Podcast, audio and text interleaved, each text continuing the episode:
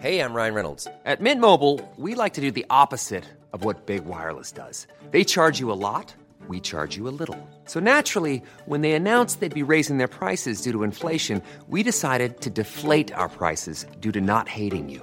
That's right. We're cutting the price of Mint Unlimited from $30 a month to just $15 a month. Give it a try at mintmobile.com slash switch. $45 upfront for three months plus taxes and fees. Promo rate for new customers for limited time. Unlimited more than 40 gigabytes per month. Slows. Full terms at mintmobile.com.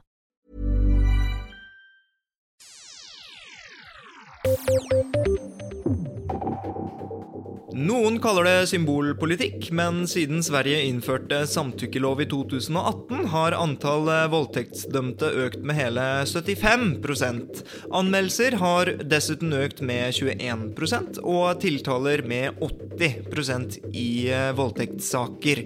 Samtykkeloven i Sverige fungerer, hevdes det. Så bør Norge følge etter?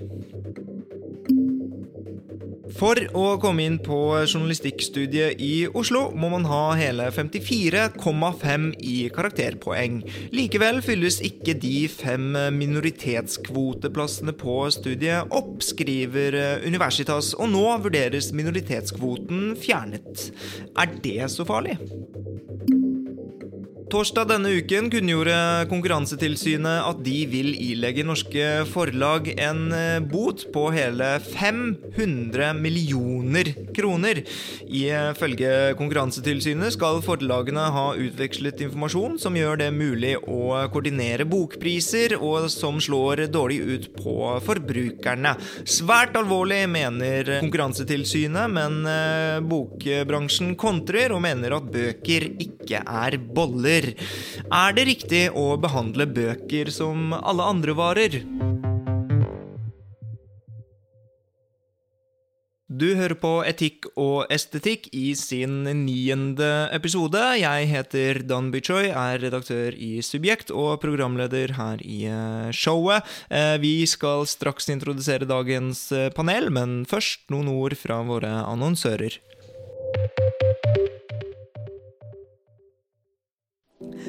Espen Kvålsvold, Natalie Fusha Sanchez, Kalle Segelberg. På Kunsthall Oslo presenteres nå en serie med raske solopresentasjoner av kunstnere. En kunstner per uke i seks uker. Neste kunstner i serien er Espen Kvålsvold. Vi ønsker deg hjertelig velkommen til åpningene hver torsdag klokken 18.00 på Kunsthall Oslo. Vil du og din institusjon være synlig der hvor publikum leter etter den beste kunsten og kulturen? Nå kan denne reklameplassen bli din. Ta kontakt med annonse at subjekt.no for en uforpliktende prat om hvordan du kan nå ut til et stort kulturkonsumerende publikum.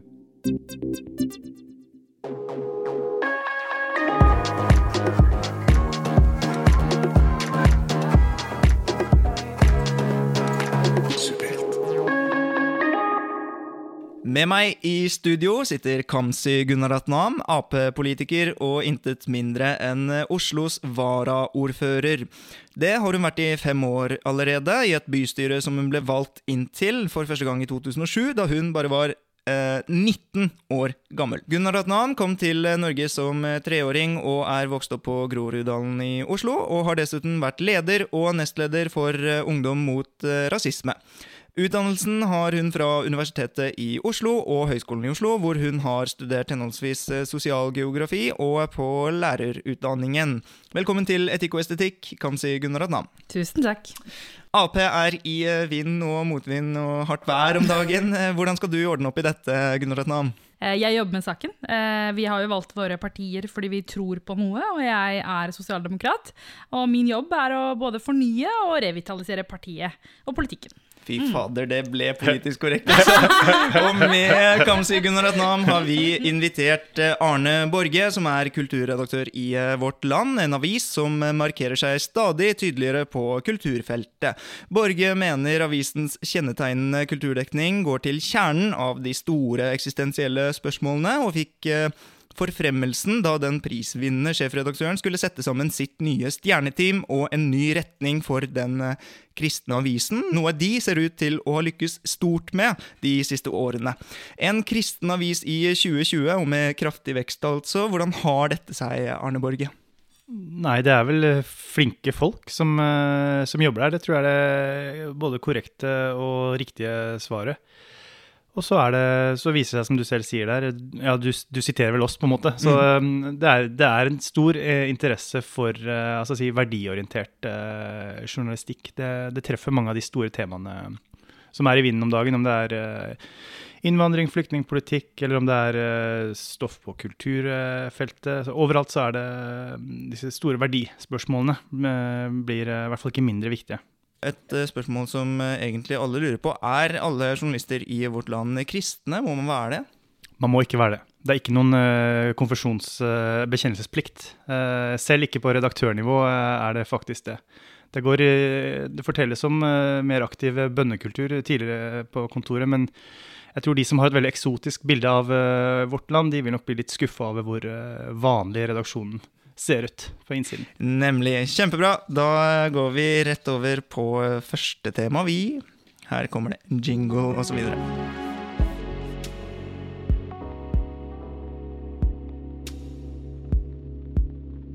Noen kaller det symbolpolitikk, men siden Sverige innførte samtykkelov i 2018, har antall, voldtekts, eller, har antall voldtektsdømte økt med hele 75 Anmeldelser har dessuten økt med 21% og tiltaler med 80% Det ser ut til at det er lettere å bli dømt, tiltalt og eh, anmeldt eh, dersom man får en såkalt eh, samtykkelov, altså. Eh, Bør Nor Norge følge etter Danmark og Sverige og få en sexsamtykkelov, Kamzy Gunaratnam Ja. og Arne Borge? Ja. Ok, da får jeg ta på meg en eh, maske om eh, Eller jeg får være streng. Hvorfor det? Hva, hva vil det endre i det hele tatt? Gunnar Adnan? Jeg tenker at vi må løfte blikket litt her. Eh, Det handler ikke om altså Jeg har ikke troa på å alltid gjøre ting om til en juridisk sak hver gang vi har et problem. Men når de mennesker som er blitt utsatt for overtredelser av ulike slag eh, ønsker å uh, finne veien dit hen, så mener jeg at det er noe vi må uh, diskutere. Ok, Det var veldig politisk svar. La meg si det på en annen måte. Ja, det er veldig mange som opplever grensesetting som veldig vanskelig. Ikke sant? Eh, så, som politiker så må jeg diskutere det på alle nivåer. Eh, nå diskuterer vi også hvor tidlig vi kan få inn seksual- eh, eller seksualitetsundervisning, som det heter. Eh, fordi grensesetting har blitt en ganske diffus ting. Veldig mange eh, leser signaler feil, og metoo var med på å sette det på dagsorden. Eh, at det å forstå om man flørter eller maktovertredelse, eller hva er det som egentlig skjedde her, det er for veldig mange egentlig ganske uklart. Så spørsmålet er egentlig er det samtykke, en eventuell samtykkelov som er problemet? Eh, altså, er, er det det som skal være liksom, det, vi, det vi får store øyne for og syns er liksom helt ubegripelig at vi skal gjøre noe så eksplisitt og liksom godkjenne eh, eller ikke? Eller er det den byrden veldig mange bærer på hver eneste dag fordi man har opplevd en eller annen form for overtramp eh, seksuelt? Jeg tenker at De vi skal ta hensyn til her, er ikke de som aktivt, aktivt må si ja eller nei. De vi skal ta hensyn til, det er de som har opplevd disse overtrampene, og som ønsker å, å, å utvikle politikk, altså gjøre noe med det for de kommende generasjoner. Arne Borge? Ja, nei, jeg er grunnen enig i mye av det der. Og det er jo, den innvendinga som ofte kommer, det er jo eh, at man eh, For det første så er jo en innvending at man mener at vi har allerede lover som, som fanger opp eh, altså seksuelle, seksuelle overgrep, så vi trenger ikke en eh, vi trenger ikke en sånn samtykkelov. Det er jo noe som ofte kommer. En annen ting som eh, kommer, det er jo at man frykter for eh, rettssikkerheten for da den mulige Den, den anklagede, da. Eh, At man eh, mannen, da, som det stort sett i praksis eh, som regel er, eh, vil få svekket rettssikkerhet. Er litt, sånn, uh, litt uklart for meg hvorfor uh, rettssikkerheten skal bli uh, svekka gjennom denne samtykkeloven. fordi det virker jo som om dette måte kan være med på egentlig å gjøre eh, situasjonene tydeligere for når, når man eh, overtrer loven, eller når man gjør noe straffbart eller eh, ikke. Så jeg forstår ikke helt eh, det argumentet. Og, det det, og en annen, et annet argument var at man mente at det ikke ville ha noen eh, effekt. Det var sånn Civita sa i uh, Det var en eh, som skrev på Civita i 2018, for da var, gikk jo diskusjonen, og da, da, da ble det skrevet at det fins ingen empiri som sannsynliggjør at denne typen straffelovgivning er egnet til å gi noe større trygghet i form av bedre rettsvern mot overgrep. Men nå har jo den svenske rapporten som, som vi refererte her, den har jo egentlig gitt noe av den empirien som viser at dette er med å gi dette er med å gi mer, eh, altså mer trygghet, eh, i og med at antall, eh, med at antall tilfeller blir Altså vi får mye flere domfellelser. Men er det en bragd i seg selv? Vet man, vet man nødvendigvis det? Og det med rettssikkerhet, det går kanskje litt ut på at man, man, man gjør jo alle All sex uten samtykke Uh, ulovlig. Og så, sånn er det jo også i dag, men, men eh, det man gjør, er jo liksom si, uh, få inn i loven hva som betyr ja og nei. Mm.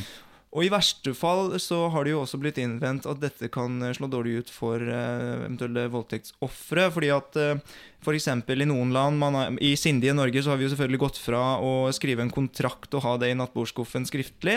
Uh, og så tror jeg man også har gått vekk ifra at man skal ha et tydelig ja. Så man avgrenser liksom det samtykket til eh, fysiske handlinger, da. Hva hvis man gjør en sånn fysisk handling, og så eh, betyr det egentlig ikke engang ja? Hvorfor skal man skrive det i loven? Gjør det ikke bare veldig komplisert og vanskelig? Og så Hva hjelper det egentlig hvis det er ord mot ord da, i en rettssak? I rettssal? Mm. Det er ikke om å gjøre å ha færrest lover, egentlig. Eh, jeg mener jo reguleringer er med på å gjøre samfunnet bedre. Eh, reguleringer trenger ikke å bety ja og nei. Reguleringer kan også være bevisstgjøring. Å Og gjøre folk eh, bevisst på hvilke rettigheter man har. Nå er ikke jeg helt på skriftlig kontrakt i nattskuffen-linja, men Ta for eksempel eh, en, eh, en, eh, det, det scenario som, som blir mest aktualisert i dette, det er jo folk som allerede er i forhold. Ikke sant? Eh, Den der voldtekten hvor noen hopper ut av en busk og voldtar deg, det, det er det mindre og mindre av. Voldtekten som skjer på fester, nachspiel, det er det det er mest av. ikke sant? Hvor grensene har vært usynlige. Eh, og det er derfor jeg starta mitt innlegg med grensesetting. Grensesettingen har blitt et problem, fordi måten man både initierer ting på, eh, har blitt litt sånn alt fra eh, Du har de eksplisitte greiene på Tinder, til litt den derre eh, Vil du følge meg hjem fordi jeg tør ikke å gå alene, eller ja, whatever. Eh, og du blir med tilfeldigvis opp, og så er man fulle. Og så, og så, hva, hvor går grensa? Altså, grensesettingen er det som er problemet her. Så et eksempel som er eh, gjentagende hos mange, er jo dette med sovevoldtekt, blant annet. Hvor man, selv om man er i et forhold, selv om man er eh, gift, opplever det som krenkende på kroppen. Eh, og, og, og mitt poeng med å liksom være for eh, en samtykkelov handler om at hensynet til den som blir utsatt for de krenkelsene, hensynet til den som eh, altså kanskje får utfordringer med å ha sex etterpå, da, det veier tyngre enn å finne en måte å gi samtykke på. At, at det er litt vanskelig, da, eller uvant og uortodoks. Altså, um, Heidi Helene Sveen kom, kom en uh, bok om det her uh, i fjor, tror jeg, som heter eh, 'Det var ikke voldtekt', hvis jeg husker riktig. Og der er det et veldig interessant uh, eksempel. for hun, hun skriver om en sånn 10-15 forskjellige Hun følger, følger sakene i retten, da. Uh, og den ene saken er, er da tre menn og en dame som ender opp i en liten Frogner-leilighet. Uh, og eh, er veldig, eh, hun er veldig full, eh, og så eh, på et tidspunkt så liksom bare faller hun bakover på sofaen og legger seg nesten til for å sove. Er nesten, nesten bevisstløs. Altså det, er jo, eller det er jo litt av stridsspørsmål i saken. Og så begynner da han ene å beføle henne, og så begynner den andre, og så tredjemann tar bilder. da. Og, så, og så sier hun ingenting eh, gjennom hele den. Så de mener det varer ca. en times tid. Hun sier aldri noe, men hun er, hun er bevisst. eh, de får blikkontakt, så de tolker det som samtykke. At hun ikke gjør motstand. Eh, så våkner hun neste morgen, og så ser hun de bildene på kamera, og så drar hun, eh, og så dagen etterpå eh, anmelder hun, anmelder hun dette. da. Uh, og det Sveen mener på en måte er et uh, viktig poeng uh, Det ene siden av det er jo selvfølgelig om, om, om hvis denne samtykkeloven hadde eksistert. Kanskje disse mennene ikke hadde turt å gjøre dette hvis de var kjent med loven. Eh, at de måtte få bekreftelse på et eh, samtykke. Det er den ene siden av saken. Den andre siden av saken, når det først har skjedd, det er jo det at hun beskriver eh, fra rettssaken hvorfor ikke Hvorfor ikke aktor, altså kvinnens advokat, hvorfor ikke hun kjører hardere på nettopp dette spørsmålet om manglende samtykke. Og det er fordi eh, at det er ikke noen samtykkelov som fanger opp det, så det, ikke, det fanges ikke opp av jussen. Det eh, aktor kjører på, det er om hun har på en måte samtykkekompetanse. Om hun egentlig var for full. Det er på en måte det, for hvis, hvis hun er for full, da, det har man eh, dekning for. Det er man liksom ikke i stand til å gjøre samtykke. Men det at hun ikke har gitt uh, samtykke, det kan hun på en måte ikke bruke uh, juridisk. Så det er på en måte et verktøy hun kunne hatt da, med en samtykkelov. Uh, som, som ville gjort at den saken sannsynligvis ville fått et annet utfall enn den fikk. Um, så jeg tenker det er en kombinasjon der både av den som eh, Kamzy er innom, med at det, det er en viss sånn holdnings, det ligger noe holdningsendrende i, i en sånn uh, i en samtykkelov. At man, um, at eh, man, inn, man, man får prenta inn tidlig at dette, det er viktig å få bekrefta samtykke. Uh, det er den ene siden av det, en holdningsendring. Og så er det, um, og så er det da liksom, ja, de, vert, de juridiske verktøyene man har da, for å kunne vinne, vinne saker som, som jo ut fra min på en måte rettsoppfattelse burde vært vunnet. da, eh, I hvert fall i det tilfellet jeg snakker om der.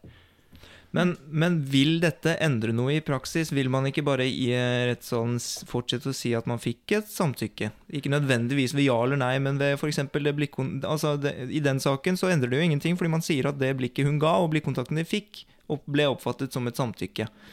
Ja, det, altså det, det er jo selvfølgelig, det, det kompliserer saken litt, for også den svenske loven, eh, hvis jeg har forstått det riktig, den, den sier jo da at frivilligheten skal komme til uttrykk gjennom ord eller handling eller på en annen måte. Annen Ja, måte. Det var den formuleringa jeg fikk. Eh, og det er på, det, vi, vi liksom tulla i stad med kontrakt og sånt, og det er jo ingen som ønsker seg dit. Og man skulle på en måte ønske at samtykkeloven skulle gi liksom et verbalt svar. At man måtte si ja eller nei.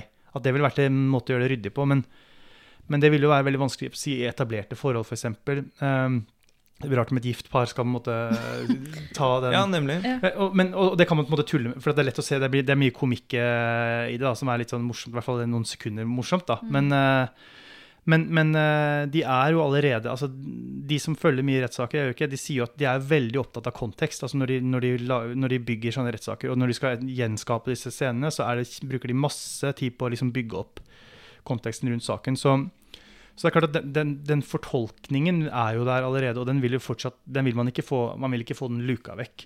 Men jeg vil jo kanskje tenke at i det tilfellet jeg nevnte nå, som du sa, så, så vil man kanskje si at dette er ikke tilstrekkelig, dette er ikke tilstrekkelig samtykke med den blikkontakten, da, f.eks. Men er det ikke egentlig sånn i dag også at man eh, underliggende har en samtykkelov, at all eh, ufrivillig sex er jo regnes jo som voldtekt? og... Jeg, jeg, det, det, er, Ja, det- det er helt eh, genuint her. Altså, jeg lurer på hva den vil gjøre, Nei, altså den loven. Vil du si noe? Ja, nei, for, Nei, jeg skulle egentlig følge opp på noe av det han sa i stad, Arne. At uh, dette med løgn er jo en utfordring uansett sak. Ja. At folk vil lyve i en rettssal. det er jo allerede forbudt. Ja, mm, mm. Det er forbudt, men Ja, jeg tipper men det skjer likevel. Mm. skjer. Ikke sant? Eh, Så det, det blir jo litt feil argument å bruke, da, mener jeg. At, at det er en fare for at noen bare kan påstå noe og, si, og, og late som at noen sa ja og ikke sa ja. Mm. Um, men når det gjelder uh, Jeg kommer alltid tilbake til dette med grensesetting. Det er det det til syvende og sist handler om. Grensesettinga har blitt utydelig. Og vi lærer ulike ting på hva som er greit. Uh, og da må Jeg tror det har, som all annen lovgivning, så har lovgivning en form for holdningsskapende eh, eh, effekt på mennesker. Eh, I aller, aller høyeste grad. Eh, og så blir det jo liksom opp til samfunnet for øvrig, akkurat som bruk bilbelte. At det er eh, noe man må drive med kampanje for også i tillegg, for å liksom redde liv eh, osv. Men all lovgivning har hovedsakelig holdningsskapende effekt. Eh, og det er det jeg håper med dette. At man tenker seg om eh, to ganger før man presser seg. Men når du, når du sier lovgivning har holdningsskapende effekt, så er det jo liksom per definisjon symbolpolitikk, blir det ikke det?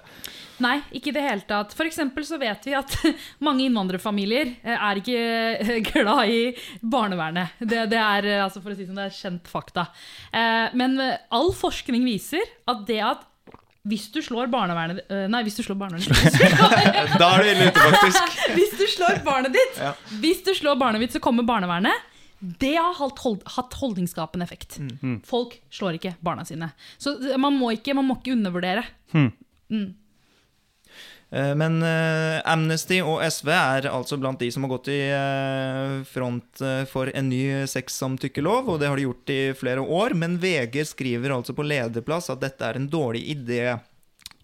De skriver men om loven skal brukes utelukkende til normsetting, blir det fort intetsigende. Det er grenser for hva som kan og bør eh, lovreguleres. Å kommunisere omkring sex er vanskelig nok for oss voksne. Det virker firkantet at, lov, at man med loven i hånd skal kunne kreve at unge skal ha neddempet samtale før et samleie, der man, har, eh, der man altså innhenter et samt, tydelig samtykke. Og Det er så vanskelig å pro, eh, egentlig eh, protestere mot denne samtykkeloven. Og Når VG gjør det på eh, lederplass, syns jeg er ganske modig av dem, fordi de kan jo, det er en så vanskelig sak. Og så ser, ser, egentlig ikke jeg noen helt sånne klare, sånne sterke argumenter der, bortsett fra at man liksom basert på holdningsendring og ganske symbolske ting, og egentlig kanskje maktbalansedreining i rettssalen, mm. eh, og dermed altså at man innser at kanskje menns rettssikkerhet svekkes noe, eh, ønsker en slik eh, samtykkelov. Eh, men de skriver altså det som bekymrer oss mest på dette feltet, er det store etterslepet på voldtektssaker. Det er et hån mot ofrene at deres sak blir liggende og vente, at status på etterforskningssiden ser ut til å ligge i andre saker, og at lovbrytere ikke blir rettsforfulgt. Det mener de en mer fornuftig tilnærming til det er å lære ungene våre å respektere hverandres grenser, grensesetting, og mm. oppfordre dem til å være var på signaler heller enn å innføre dette som en lov. Så mm. er det egentlig nødvendig med en lov. Nå kom spørsmålet kanskje et svar for sent, siden du sa dette med holdningsendring. Da. Men det, det, er det, er jo ingenting av det de sier der som på en måte egentlig er et argument mot en uh, samtykkelov. Det de sier er at det fins også andre gode grep vi kan uh, bruke. Så, så det, er det syns jeg ikke var så det syns jeg ikke var så relevant. Nei, men samtidig syns jeg liksom altså Byttehandelen her er ganske Ja, argumentene mot er dårlige, men så er argumentene for også ganske svake, bortsett fra mm. liksom den sensasjons... Et godt argument for, da, ja. som, som, jeg ikke har nevnt ennå, det er jo at også det var vel Justisdepartementet for noen år siden i en utredning de har innrømt at det, det, en, det kunne være de kalte det en restkategori uh, av, av, tilfeller som, som, per i dag ikke ble fanga opp av, av, lovverket, som kunne bli fanga opp med en samtykkelov. Jeg kjenner ikke detaljene så godt der, men hvis, hvis det er tilfellet at det fins en restkategori av tilfeller som vi er enige om at burde være straffbare, men som per i dag ikke er straffbare, så, det, eh, så, tror jeg man har, man har laga lover av dårligere grunner enn det eh, tidligere. tror jeg. Men, men, det store spørsmålet her er fordi Det vanskelige i en rettssak er jo bevissituasjonen. Mm. Eh, så dilemmaet er ofte bevissituasjonen. Ord står mot ord. En samtykkelov vil ikke endre på det, sier VG. Hvordan vil samtykkeloven endre på det? Bevis Nei, altså en Samtykkeloven den vil, endre, den vil, jo ikke endre på det faktum at det er ord mot ord. og som Kamsi sa i sted, vi, vi, kan ikke forsikre oss mot uh, løgn, og vi, og vi lyver uh, så vi selv tror det. ikke sant? Det er jo et faktum. Sånn er det. Det er veldig vanskelig å rekonstruere når man ikke har tekniske bevis. Um, så det får man ikke gjort noe med. Men, men, noe av problemet her er vel også det at liksom, uh, vi vet mørketallene i voldtektssaker, og vi vet altså, hvor få saker som kommer opp for retten, og hvor vanskelig det er å faktisk få dom når, når, man har saken i retten, sammenlignet med, sammenlignet med andre eh, og, um, forbrytelser.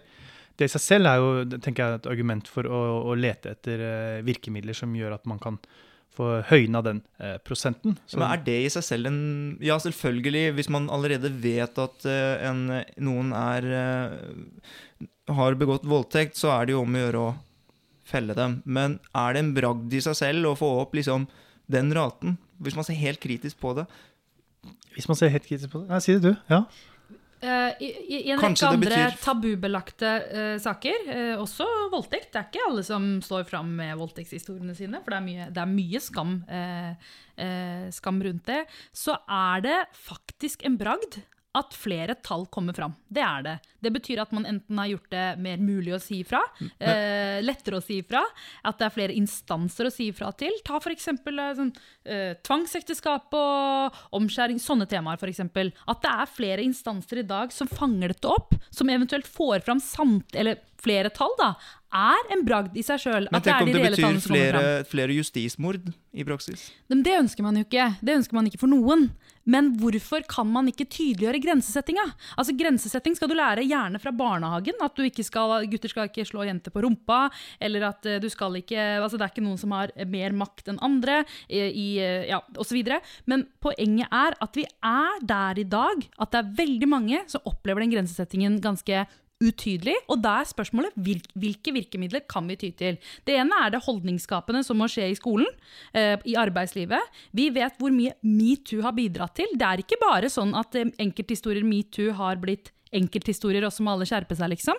Mange bedrifter, mange arbeidsplasser har revidert sine retningslinjer og regelverk basert på metoo-historiene. Altså selv i partiet mitt så har jeg blitt enige om at nå betaler vi alkohol sjøl, for vi vet at folk drikker mer hvis, eh, hvis alkohol er gratis. Og da vet vi at det, er, det skaper noen eh, vanskeligheter i forhold til grensesetting, da, blant annet. Ikke sant? Så hvorfor skal vi ikke ha nye lover og regler som kan gjøre ting lettere med grensesettinga? Det er spørsmålet. Veldig bra. Kjempebra. Det ble en eh, veldig fin samtale, syns jeg. Vi går over til eh, tema nummer to.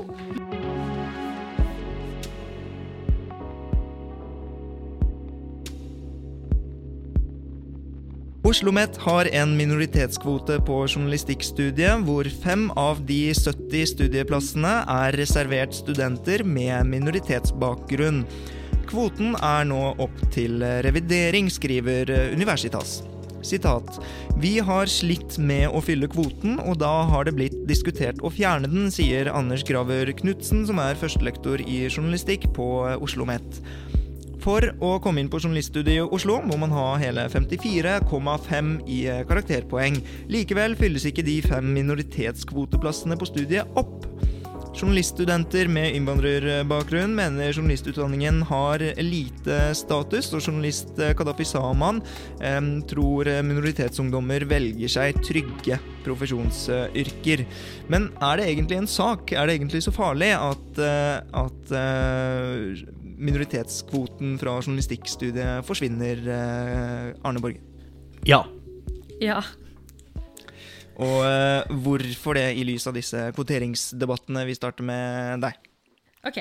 Uh, hva skal vi se, hvor skal jeg starte? Um, på den ene siden så kan man si at uh, Norge går i riktig retning, hvor det er flere og flere med flerkulturell bakgrunn som blir sant, redaktører, varaordførere og kulturministre og får framtredende roller, og at ting går i riktig retning. Mm. Men det går ikke fort nok. Uh, det er mange tiltak man kan innføre for å gjøre institusjoner, organisasjoner, ja, media mer representative, og dermed få økt legitimitet.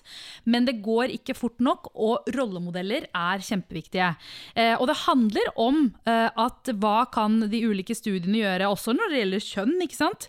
Hva kan de ulike studiene gjøre for å få eh, et representativt Norge uh, på flere områder? Særlig media som handler om å fortelle om historiene som skjer rundt omkring i Norge, og som skjer i vår hverdag.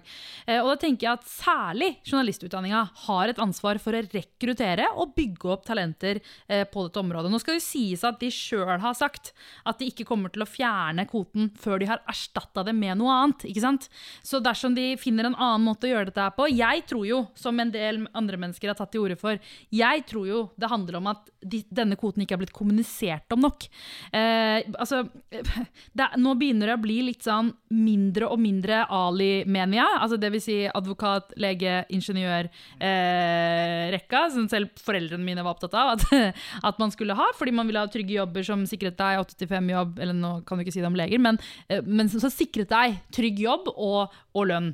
Eh, jeg syns jo vi de siste årene har fått flere og flere gründere, eh, kulturpersonligheter. Vi har fått flere med flerkulturell bakgrunn som søker seg til eh, andre ting, og dermed også fått rollemodeller som man kan se til.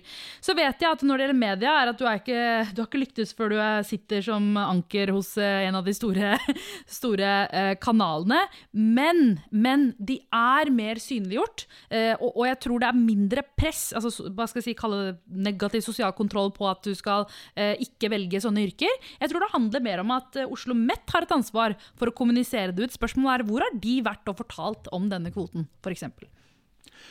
Ja, jeg, jeg, må si at jeg ble overraska over den uh, nyheten her. fordi at uh, mitt inntrykk var jo egentlig, litt som Kamzy sier her, om at dette egentlig var på vei at, det, eh, at, dette var på vei i riktig retning. og Det er kanskje litt anekdotisk, men man ser jo flere av medieprofilene hvis du ser Dagsrevyen. altså de, de, viktigste nyhetsankerne der har jo minoritetsbakgrunn. ikke sant? Kadafi Saman, som du nevnte selv også. Det fins jo en del profiler, så jeg hadde, nok, eh, jeg hadde nok sett for meg at dette hadde kommet lenger allerede, og at, det blitt, at dette var blitt en naturlig kanskje liksom prestisjeutdanning. Det er jo også, det er også tryggere å gå journaliststudiet nå enn det var for kanskje fem år siden. Altså, arbeidsmarkedet ser jo vesentlig bedre ut. Eh, altså for, eh, På 2010 rundt der så var det vel liksom, det var sett på som en hasardiøs utdanning, tror jeg. ikke sant? For det var jo som fall overalt. Men nå begynner jo avisen å tjene penger igjen. Eh, nå begynner dette å bli en, en eh, mer attraktiv karrierevei, skulle man tro. da.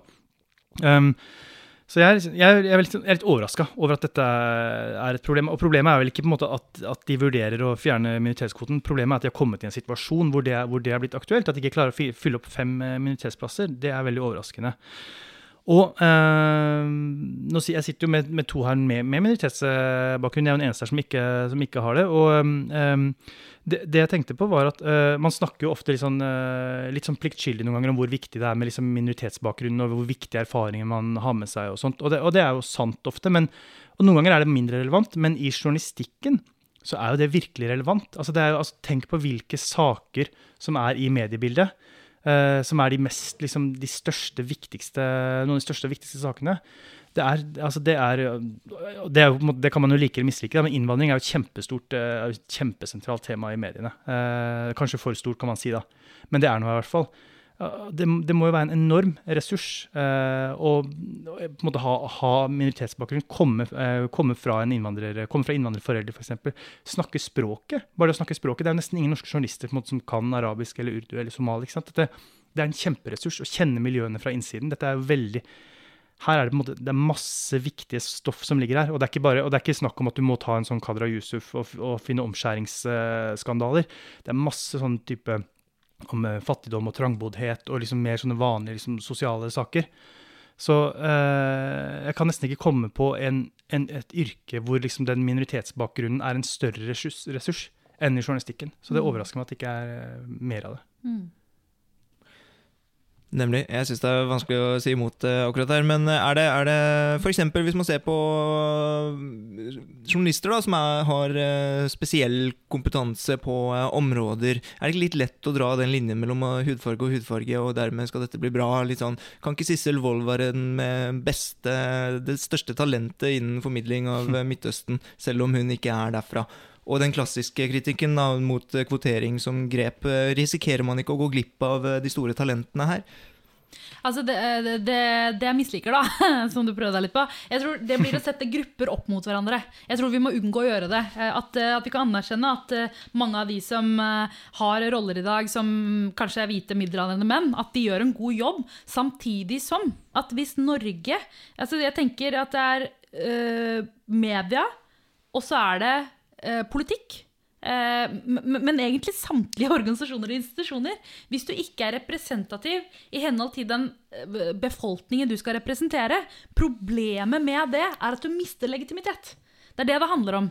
Eh, Så det å liksom Språk, som du var inne på, Arne. Språk er én faktor. Men helheten her er at det skaper tillit. Det, skaper, altså det får legitimitet. Og det er mye viktigere i dag eh, enn en eh, noensinne. Hadde man sett på Stortinget i dag og sett at det bare satt hvite menn fra vestkanten i Oslo, bare for å bruke ett eksempel, som er veldig gøy, siden jeg ikke var handelskum, eh, hvite menn fra vestkanten i Oslo, så hadde man ikke hatt tillit. Det omvendte av det er at folk må ikke oppleve terskler inn til de institusjonene eller medieverden, f.eks. Eh, og der tror jeg at det er en del historier som kan eh, fortelles. eh, For, ved at man har ulike bakgrunn. For så vet jeg at det er veldig mange journalistvenner på Facebooken min tipper at dere også har det samme. Mange av de er jo ute og spør etter Hei, jeg ser etter en case som er XYZ. Mm. Eh, og jeg tipper sånn Det har noe å si hvem dine venner er, altså hvem, hva bakgrunnen din er, for å nå ut til en viss type historie. Eh, og vi kan jo innrømme, eh, og der er jeg helt enig med deg, det, det handler ikke bare om hudfarge, men det handler om altså, bakgrunn også. At de historiene du får tak i fordi du har en viss bakgrunn, det er utrolig viktig i Norge i dag. Mm, altså jeg, Sissel Wold kan godt være den beste Midtøsten-korrespondenten. Du, blir- du blir ikke en god utenriksreporter av å være utlending. på en måte. Det, er helt, det er helt opplagt. Eh, men det Sissel Wold ikke har, det er jo, eh, det er jo erfaringen av, av å vokse opp i en innvandrerfamilie i Groruddalen f.eks. Og nå er jo ikke alle innvandrerfamilier i Groruddalen like, selvfølgelig. Og det er, jeg er helt enig at det er mye jeg er litt enig med den insinuasjonen i spørsmålet ditt at man kan dra denne representasjonsproblematikken eh, litt for langt i veldig, i veldig mange saker i, i dagens eh, mediebilde. Det, er jeg nok enig i selv. at Jeg tror ikke man, man trenger ikke å være brun i huden for å vite hva, noe om hva det vil si å, for en innvandrerfamilie, hvilke utfordringer de står i. Men så for meg, ikke måte, for meg handler det egentlig ikke så mye om måte hva som, hva som er det politisk korrekte her. For meg så handler det mest om og det er litt sånn BI-svar, men det handler mest om at det faktisk er en ressurs, en lett tilgjengelig ressurs her, som ikke blir benytta godt nok. En gratis eh, en gra ja, men Det er litt sånn typisk som man skal si sånn at dette er bra for næringslivet, sier man alltid. Liksom, det, næringslivet går glipp av de beste hodene og sånt. Det er sånn man alltid sier da, for at man vil ikke, man vil ikke, liksom, man vil ikke si at man gjør det for å være snill, man skal si at man gjør det pga. bunnlinja. Men her er, det, her er det litt reelt, tror jeg. Uh, du, får, um, du får et annet uh, stofftilfang og en annet erfaringsbakgrunn som, som er helt sånn praktisk relevant eh, fra dag én eh, som, eh, som journalist. Jeg, eh, jeg liker det argumentet også, at man vil ha et mangfold, f.eks. i kunstverden, ikke fordi at man skal være snill, men fordi at man for å finne de største talentene, må man også rekruttere bredt. Mm. For å toppe et lag så må man ha flere å se på. Det er vel kanskje også egentlig det BI-prinsippet. Men når det gjelder kvotering, så er det veldig sånn lett å se på anekdoter og andre eksempler, og i noen tilfeller er det greit, og i andre tilfeller er det ikke. Du nevnte Stortinget, for eksempel, så ønsker man et uh, mangfold der. Hvis ikke så mister man tillit. Det er også et ofte brukt argument. Men der så er det jo sånn at uh, Nå har jeg ikke prosenten, men alle så å si har jo høyere utdanning, f.eks. De, uh, de representerer dermed ikke folket. Overhodet ikke. Uh, er det et demokratisk uh, problem, er et spørsmål. Og uh, et annet spørsmål er om, er om det ikke er bra at vi har folk som har lest seg opp på eh, Stortinget. Og sånn, så, sånn er det jo litt med journalistyrket òg. Er det ikke bra om vi har folk der som, eh, som uh, fikk bra karakterer? Og om ikke, burde vi ikke kvotert inn folk på Stortinget også? Jeg er helt, jeg er helt enig med deg. Eh, fordi at det, eh, La oss snu på det. da. Eh, du tok den ene siden av det som handler om at for å bli dødsgode, så må vi rekruttere bredt. Vi må få eh, ressurser, eh, altså ressurser fra alle typer mennesker. Og ressurser er jo det er jo et definisjonsspørsmål. At man kommer med ulike erfaringer, det mener jeg er ressurs for eh, media, for bedrift osv. Men hvis du kan snu på det, hvem er det som opplever en terskel for å gjøre XYZ. Hvem er det som opplever Hvem syns det er vanskelig å ytre seg i den offentlige debatten? Jo, det er unge jenter med minoritetsbakgrunn, særlig de som er muslimer og går med hijab. Ikke sant? Hvem syns det er vanskeligere å søke på journalistutdanningen eh, enn andre? Da, da, da kan man se man kan se hvem er det som søker og ikke søker. Hvem syns det er vanskeligere å engasjere seg politisk enn andre? Jeg mener det er svarene på de spørsmålene som definerer hvem vi må skape en lavere terskel for på de deltakelse. Jeg er helt enig med deg. Stortinget i dag er kanskje ikke det mest representative eh, vi har i dag. Eh, Jeg har jo ikke gjort ferdig utdanningen min. Eh, Det korrigert deg på innledningen. Jeg har ikke gjort ferdig utdanningen min fordi jeg er en som skulle valgt yrkesfag, eh, men som ble oppfordret til å gå studiespesialisering. eh, Og dermed kom til akademia. Bare det her, det her, er, det her er for teoretisk for meg. Det, var, det, måtte jeg bare være ærlig på si ha det, liksom. Og så kan vi, skal jeg da sitte og liksom telle antall mennesker som da har sånn halvgrad i allmennlærerutdanning og samfunnsgeografi, og, og sørge for at de er representert på Stortinget? Eller skal vi snu på det? Hvem er det som føler at de ikke har en plass i politikken? Og Her var jeg i en debatt med Nikolai Astrup for noen uker siden om tillit i politikken og, og fra befolkningen. Og, og Der ser vi at det er dalende blant unge mennesker, og øh, gjerne folk med innvandrerbakgrunn. Uh, og Da trenger ikke det nødvendigvis å være sånn at man må se en av sin egen hudfarge på scenen. Jeg tror det handler om å se en av den samme erfaringen i de ulike organene. Og Noen ganger så handler det om innvandrerbakgrunn, andre ganger handler det om at du er fra et visst sted eller har en viss type bakgrunn i arbeidslivet. Så jeg tror liksom, Spørsmålet må egentlig være hvem er det som opplever en terskel for å ta journalistutdanninga? Og der må vi skape en lavere terskel. Men ville du kvotert eh, inn på Stortinget for å eh, ha et mer folkelig utvalg? Jeg ble kvotert inn på bystyrelista i 2007. eh, Fordi Arbeiderpartiet skulle ha tamilske stemmer i Oslo. Eh, Det gikk bra. Syns du det var på en måte ned, nedverdigende å tenke på det? At du var eh, ikke valgt inn pga. bare meritter alene? Jeg var så redd for at jeg ble valgt inn fordi jeg bare skulle sanke tamilske stemmer. Så var det noen som tok meg til side og sa at du er, på, da jeg ble nominert til 18, du er 18 år, du er fra Groruddalen, du har en stemme på vegne av unge mennesker i Groruddalen. Eh, og, og, og gjorde det jeg var, personen jeg var, om til en styrke for politikken. Og det tror jeg er det det handler om. At det er så mange utallige stemmer som skulle vært journalister, som da har valgt annerledes fordi man ikke fant den veien inn. Er det dermed urettferdig for eh, andre som ønsker seg denne posisjonen? Kvotering Eller er det sutrete? Ja, det er, ja, det er sutrete, og det er urettferdig. Eh, Det er begge, Begge deler. deler. på en måte. Det er det. er, Ja, det, er det. det, er, Jeg er elsker dette kvoteringsspørsmålet. Det blir er- aldri det. Altså, det er jo, kvotering er aldri Det er ingen som på en måte ønsker kvotering i utgangspunktet. Kvotering er alltid et nødvendig onde, tenker jeg. Så det er diskusjonen om, om det er nødvendig eller ikke. I det tilfellet her så mener jeg, som jeg argumenterer for tidligere, at det er så mange åpenbare fordeler med, med, med, med liksom bred, variert erfaringsbakgrunn som journalist. At, eh, at, det er helt, eh, kjem- at det er, dette virker helt eh, uproblematisk, spør du meg. Eh, også, det er dessverre nullsumspill. Vi har de studieplassene vi har. Eh, men det er som jeg sa eh, under åpningen av Arendalsuka i fjor, så sa jeg at eh, her, vi snakker om at vi må få flere kvinner inn, vi må få inn flere minoriteter, flere personer med nedsatt funksjonsevne, og flere mennesker som har liksom ulike typer barrierer inn til fellesskapet. Og da må man anerkjenne alle disse folka med makt og privilegier som sier det. Noen må ut for at noen skal inn. Hvis du anerkjenner at dette er the greater good, dette er bra for demokratiet, at vi er mer mangfoldige og flerkulturelle osv., eh, og forskjellige, da må noen ut. Da må man akseptere det også. Du kan ikke være enig i teorien, men når vi kommer til steget og skal velge det mennesket, da må du også eh, akseptere at her er det noen som eh, trumfer på egentlig moderat kvotering.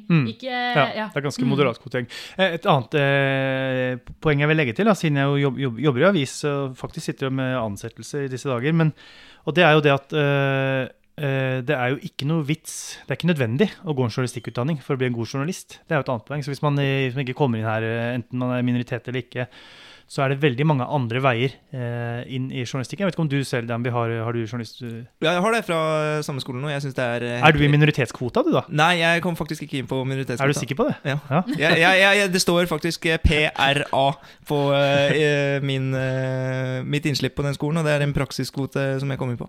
Men, men eh, det Hva var det jeg skulle si? Jo, Poeng, ja. jeg, jeg syns den utdanningen er helt fantastisk. Som, eh, og jeg ser egentlig på det som en eh, samfunnsfagsutdanning.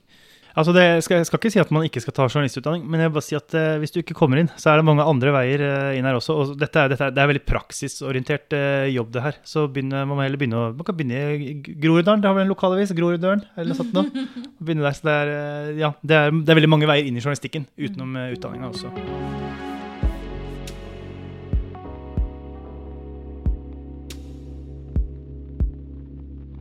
Forrige uke kunngjorde Konkurransetilsynet at de ville ilegge forlagene Cappelen Dam, Forlagshuset Vigmostad og Bjørke, Gyllendal og Aschehoug eh, gebyrer på til sammen en halv milliard kroner. Ifølge Konkurransetilsynet skal forlagene ha utvekslet informasjon som gjør det mulig å koordinere bokpriser. Utvalget av bøker og tidspunkt for utgivelse eh, skal også være mulig å eh, da koordinere mm, sammen og være til skade for eh, forbrukerne, ifølge Konkurransetilsynet. Bokbransjen kontrer med at det hele er absurd, og litteratursosiolog Trond Andreassen mener tilsynet har jaktet spesifikt for å finne feil i bokbransjen i flere tiår. Litteratursosiolog Cecilia Naper utdyper dette med en teori om at så lenge fastprisen eksisterer, eh, vil Konkurransetilsynet jakte forlagene. De mener at de samme reglene skal gjelde for omsetning av bøker som for alle andre varer, eh, men bøker er ikke boller, sier Naper til eh, Morgenbladet. Er det riktig å behandle bøker som alle andre varer, eh, Arne Borge? Nei. Eh, kan du si Gunnar et navn? Eh, hvorfor sier du nei, Arne Borge? Nei, du sitter jo i et parti som var rett rundt hjørnet om å, om å opprette boklov i 2013, vet du, før det ble regjeringsskifte. Så, så du må huske, huske på hvem du representerer her. Nei, altså eh, det, det er jo politisk eh, konsensus, mer eller mindre, i Norge, i hvert fall eh, stort sett over hele spekteret, om at bøker ikke er som alle andre varer. Til og med EU har jo anerkjent at bøker, at regulering av bokmarkedet er, er greit, og de har jo ganske liberal konkurranselovgivning. Og det er jo, altså I norsk sammenheng så er det fordi at vårt språkområde er for lite. Det er, altså, det er for få potensielle kunder til at vi kan ha en, en rik eh, litterær eh, altså produksjon av høy kvalitet. fordi det er ikke nok nordmenn som kjøper bøker til at det, til at det vil funke. Derfor er vi enige, derfor har vi gått med på at vi får eh, fritak fra konkurranselovgivningen på noen punkter. Og derfor har vi, moms, eh, vi har momsfritak og vi har fastprisavtaler. Som de viktigste, som de viktigste midlene. Og det, snakk, og det er jo penger i milliardklassen årlig. Det er snakk om fort 2-3 milliarder i året. Så er, det er politisk enighet om at bøker ikke er som eh, alle andre varer. Og det er jo fordi at uh, alt, uh, alt, kan ikke kjøpes for penger, som man sier veldig idealistisk. Men det er et faktum at um, hvis man vil ha uh, en kultur, og også litteratur da, av høy kvalitet, så, så, kan ikke markedet alene sørge for det. Men kan man ikke si det om mat og kino, billett billetter til konserter og alt mulig sånn også. Da. Er, altså, man kan si at eh, bøker ikke har boller, det er lett, men, eh, men eh, er ikke boller også bøker, da? kan man ikke se idealistisk på alle ting? Ja, Det kan man godt gjøre, men, men bollemarkedet, klarer seg, bollemarkedet, klarer seg, veldig fint. Da. Jeg var, faktisk, jeg var akkurat på Godt Brød og kjøpte rosinbolle. og det, Den koster jo sikkert nesten 40 kroner. ikke sant? Jeg vet jo at det fins veldig mye billigere boller enn det. Uh, men det, det, markedet fungerer, da. Fordi men, men svært alvorlig, mener eh, Konkurransetilsynet at denne saken er. Hvorfor, er, du, er, du, leser, er du bare veldig pro bøker, eller? Ja, ja jeg, er jo, jeg er jo pro bøker, det, det, er sant. Men uh, jeg, denne saken, det er litt teknikaliteter, men jeg syns det er veldig rart foreløpig å se alvorlighet, altså al alvorlighetsgraden i det her. I 2018 så, så, kom, så storma jo Konkurransetilsynet uh, flere, altså disse forlaghusene samtidig. altså De kom, de kom rett og slett i en razzia, uh, sånn så som du ser på film, med liksom, og konfiskerte eh, telefoner og datamaskiner og, og sånt. Eh, for, å, for, at de ville avdekke at det er, liksom, at det er et pris, eller et ulovlig sånn samarbeid her. Og det, det skyldes da mm, at den, man har denne bokdatabasen, som er en infrastruktur som alle forlag og, og bokhandlere og biblioteker og sånt i Norge bruker, hvor man, eh, hvor, man, hvor man registrerer alle bøker. Og da kan man se hvilke bøker de andre forlagene har planlagt å gi ut, hva den vil koste osv. Og, og så mener de at den informasjonen gjør, eh, ødelegger konkurransesituasjonen. Men er det ikke så, Kan jeg stille et spørsmål? Ja, ja, uh, altså, min tilnærming er ja, jeg er enig i at det skal være en konsensus om at vi, bøker er spesielle, uh, og at den konsensusen er der. Det er én ting. Men man kan jo like Njaen min den kommer litt sånn fra um, Brukerperspektivet er jo fortsatt det samme. Det er, det er noe her som ikke er helt transparent. Uh, så så spørsmålet er eh, hvordan kan man se på det elementet? At, at det er faktisk mulig for dem eh, å samarbeide om, om prissetting, f.eks. Mm. Eh, kan man da gjøre noe med det? Altså, er, er, det sånn at Konkurransetilsynet er, Stemmer det? At de er ute etter å ta bokbransjen? Altså, det, bok, det kan virke sånn Bokbransjen ja. selv ja. mener, jo, mener, jo, det her, og, og de mm. sier jo, og det kan jo uh, Konkurransetilsynet avviser jo selv at, uh, at, dette er liksom noe vi gjør. fordi altså, Det er jo ingen som vil si ja, vi har heksejakt. Det, det, vil jo ingen si. Så de avviser jo på en måte at det er ideologisk motivert. men, men, det er et faktum at uh, Konkurransetilsynet ved enhver anledning, når det er på en måte høring for nye bokavtaler, boklov og sånn, så er alltid Konkurransetilsynet ute og melder at de er kritisk til bokavtale. I dag har man en bokavtale som, som, gir de unntakene som jeg nevnte da, fra, vanlig fra den vanlige konkurransesituasjonen. Så, så Konkurransetilsynet sier at ja, vi, vi er, det er ikke hemmelig at vi er imot uh, dagens bokavtale, men i dette tilfellet så handler det ikke om, det handler ikke om hva vi liker eller ikke liker. Det handler om at vi ser her konkrete brudd. da. Men de bruddene ser veldig rare ut. for er, eh, altså I praksis er det, det er ikke sånn at forlagene sitter og overvåker hverandres utgivelser og, og justerer prisen etter. Altså Prisen er jo nesten det samme hvis man er vant, til å kjøpe bøker eller jobbe med bøker, som jeg gjør, så ser du stort sett prisen er omtrent det samme. Det koster liksom 379 eller 399 for en roman. Det gjør stort sett, altså, no, det, er, det, er veldig, det, er, veldig, lite altså Det virker som det er, ja, det er ingen sånn forventning om at du skal gjøre et røverkjøp på nye romaner, fordi de koster omtrent det samme over hele fjøla pga. fastprisen. Så det er, noe, det er, vanskelig å se at det er en ordning som, uh, som kan bli uh, misbrukt.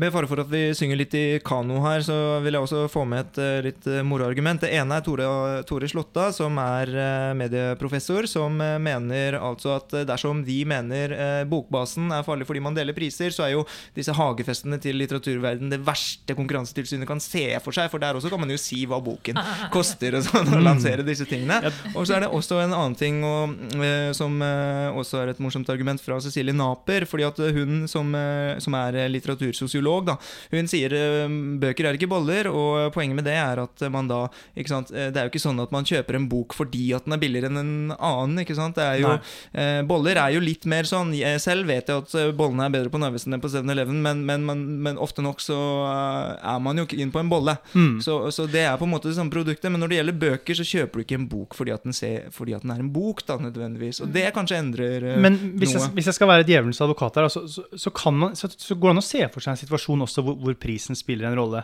Uh, si si at du har en, eh, en svigerfar som du vet at han er glad i å lese om krigen. Og så kommer Aschehoug ut med en bok uh, som handler om krigen. Av Anthony Beaver sikkert, eller noe sånt noe. Og så skal Gyldendal også gi ut, og den koster 399, tenker de da. Og så ser Gyldendal det her da i en hypotetisk situasjon, og så tenker de å ja, vi har jo vår bok om krigen som er på trappene her også, kanskje vi skal selge den for 299?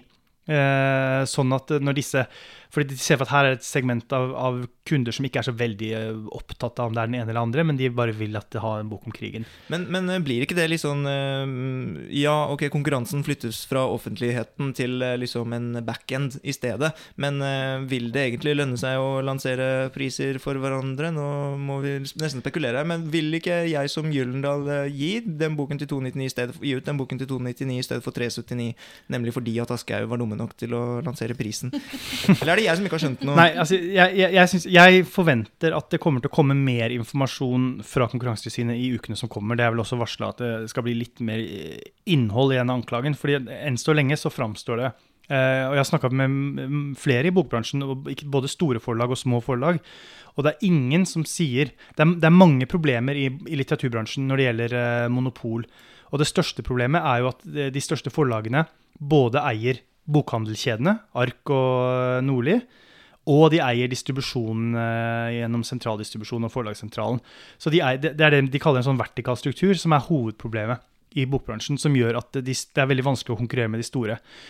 Ingen eh, aktører eh, i de små eh, forlagene sier at bokbasen er problemet. Så det de nå har blitt arrestert for, eller, eller, anklaget for, det er på en måte det minste problemet. Faktisk er den bokbasen har en demokratiserende funksjon, for der, der kan alle legge inn bøker på lik linje, sånn at bokhandlere og biblioteker rundt omkring kan søke og handle akkurat sånn som de vil, uavhengig av hvem det er, hvor mye penger du har. Men da skjønner man kanskje at det er litt søkt her, hvis det er Konkurransetilsynet selv som vil lage noen sak. De har aldri fått noen klager fra de mindre forlagene eller noe sånt. At de bare graver. Ja, dette er nok en sak Konkurransetilsynet har kjørt selv, ja. Ja. Mm. Men eh, hadde du, eh, Kamzy, eh, valgt den ene boken og ikke den andre i det eksempelet som Arne Borge her nevner? Hvis det hadde vært en gave og det var en krig og Jeg tror når det gjelder gaver, så Hundrelapp er kanskje ikke Jeg tror vi er såpass ressurssterke rundt det bordet her at det er ikke hundrelappen som hadde spilt en rolle. Hadde Du hadde lest faktorer. Vårt Land og så sett hvor, hvem får best anmeldelse, Ja. og så hadde du kjøpt den, ikke sant? Det var det du skulle si. Helt sikkert. Ja.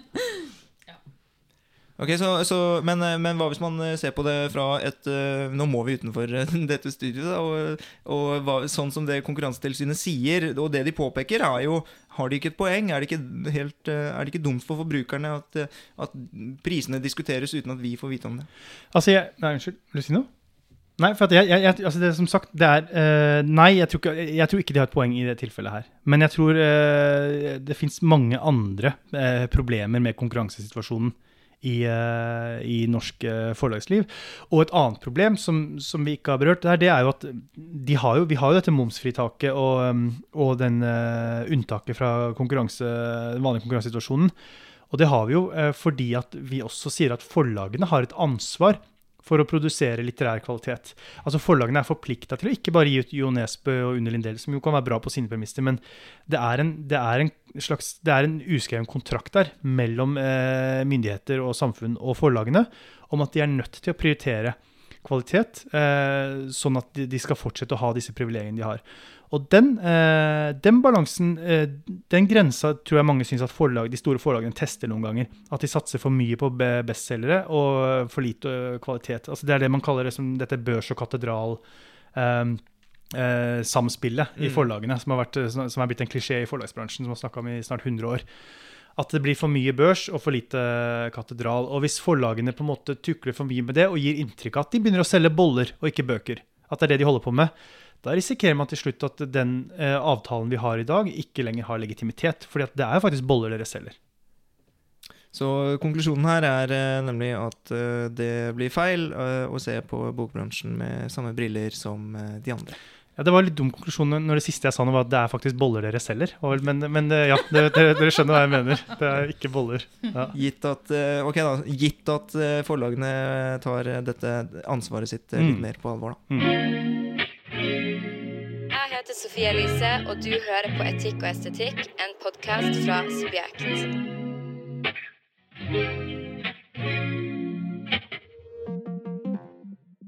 Tusen takk eh, for besøket, Kamzy Gunaratnam Tusen takk for at vi kom med. og eh, Arne Borge. Takk for invitasjonen. ja. Du hører på Etikk og Du hørte akkurat den eh, niende episoden av Etikk og estetikk, og den neste, den tiende, skulle egentlig være vår sesongavslutning, men se opp for en liten overraskelse etter det. Eh, Det må du få med deg ved å abonnere på podkasten osv. Takk igjen for at dere hører på Etikk og estetikk. Hvis dere har noen eh, tilbakemeldinger, så er det bare å eh, sende oss en mail. Jeg kan nås på danby.subjekt.no, eller redaksjonen når du på post at subjekt.no.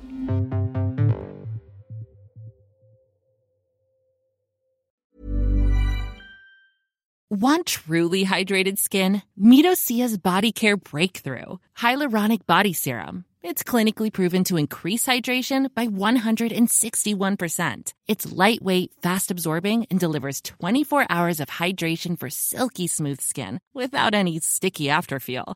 Treat your skin to clean, vegan skincare from Osea. Get 10% off your first order with code SUMMER at OseaMalibu.com. That's O S E A Malibu.com code SUMMER.